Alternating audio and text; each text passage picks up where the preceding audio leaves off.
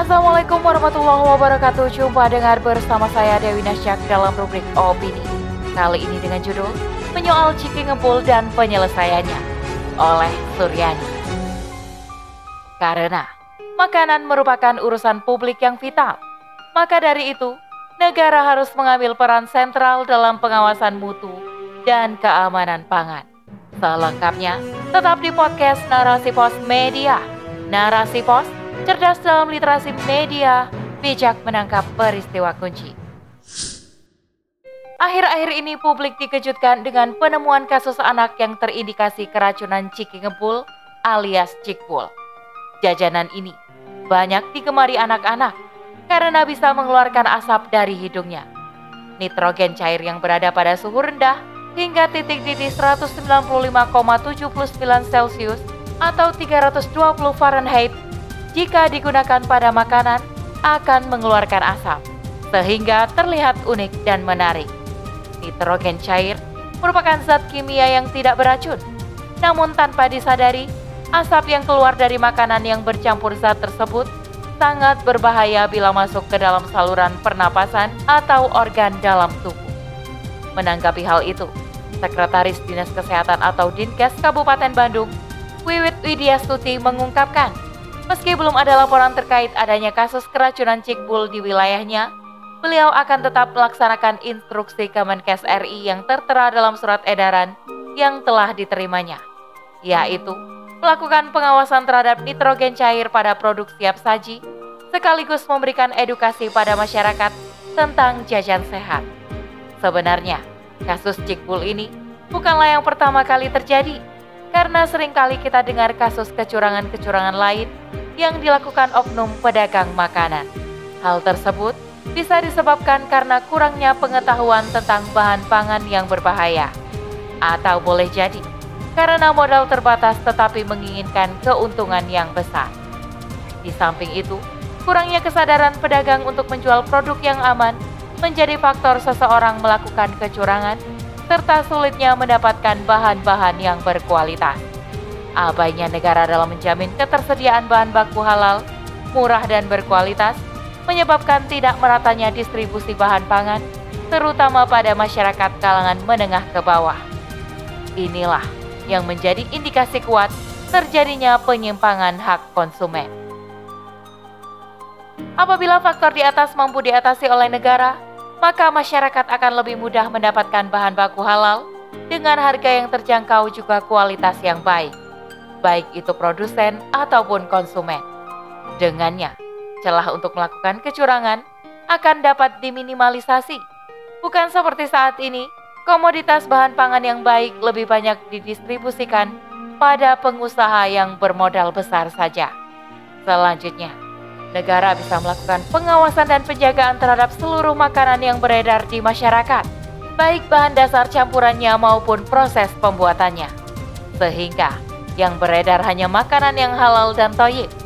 Halal dari zatnya maupun cara memperolehnya, dan toyib tidak mengandung bahan tambahan yang berbahaya bagi kesehatan manusia. Walaupun saat ini di Kabupaten Bandung belum ada korban, namun faktanya di daerah lain sudah banyak memakan korban. Hal itu menunjukkan bahwa negara telah gagal dalam memberi rasa aman dan mengawasi beredarnya pangan yang sehat dan membiarkan produsen nakal berbuat sekendak hatinya yang hanya mengedepankan keuntungan ketimbang kesehatan konsumen. Namun, itulah sejatinya watak sistem kapitalisme yang kini diterapkan negara. Keuntungan materilah yang menjadi tujuan utamanya. Pemerintah yang seharusnya mampu melindungi rakyat, kenyataannya lebih mengutamakan para pengusaha atau pemilik modal, sehingga hak-hak rakyat terabaikan.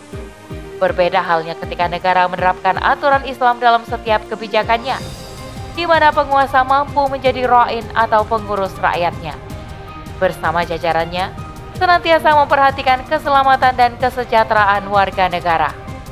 Karena itu merupakan tanggung jawab yang harus ditunaikan yang tentu akan dimintai pertanggungjawaban di akhirat kelak.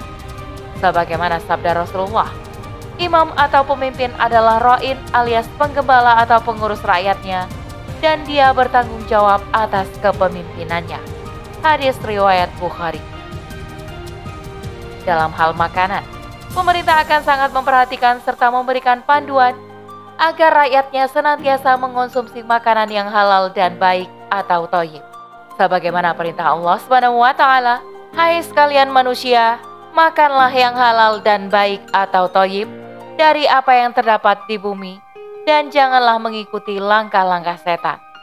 Karena setan musuh yang nyata bagimu. Quran Surah Al-Baqarah ayat 168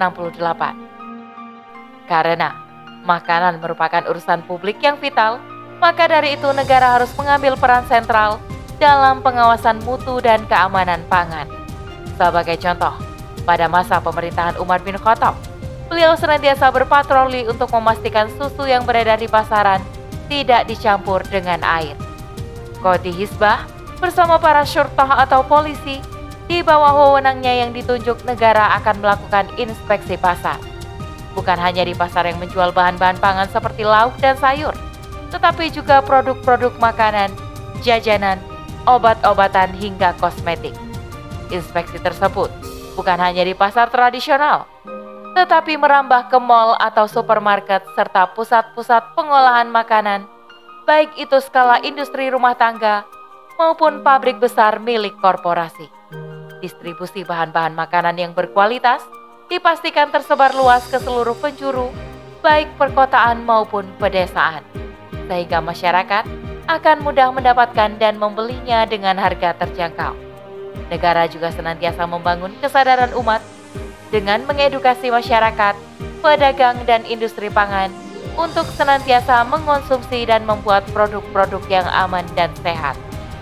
Ketika ada pelanggaran, maka negara akan menerapkan sanksi takzir yang hukumannya diserahkan kepada kodi atau hakim dalam sistem peradilan Islam.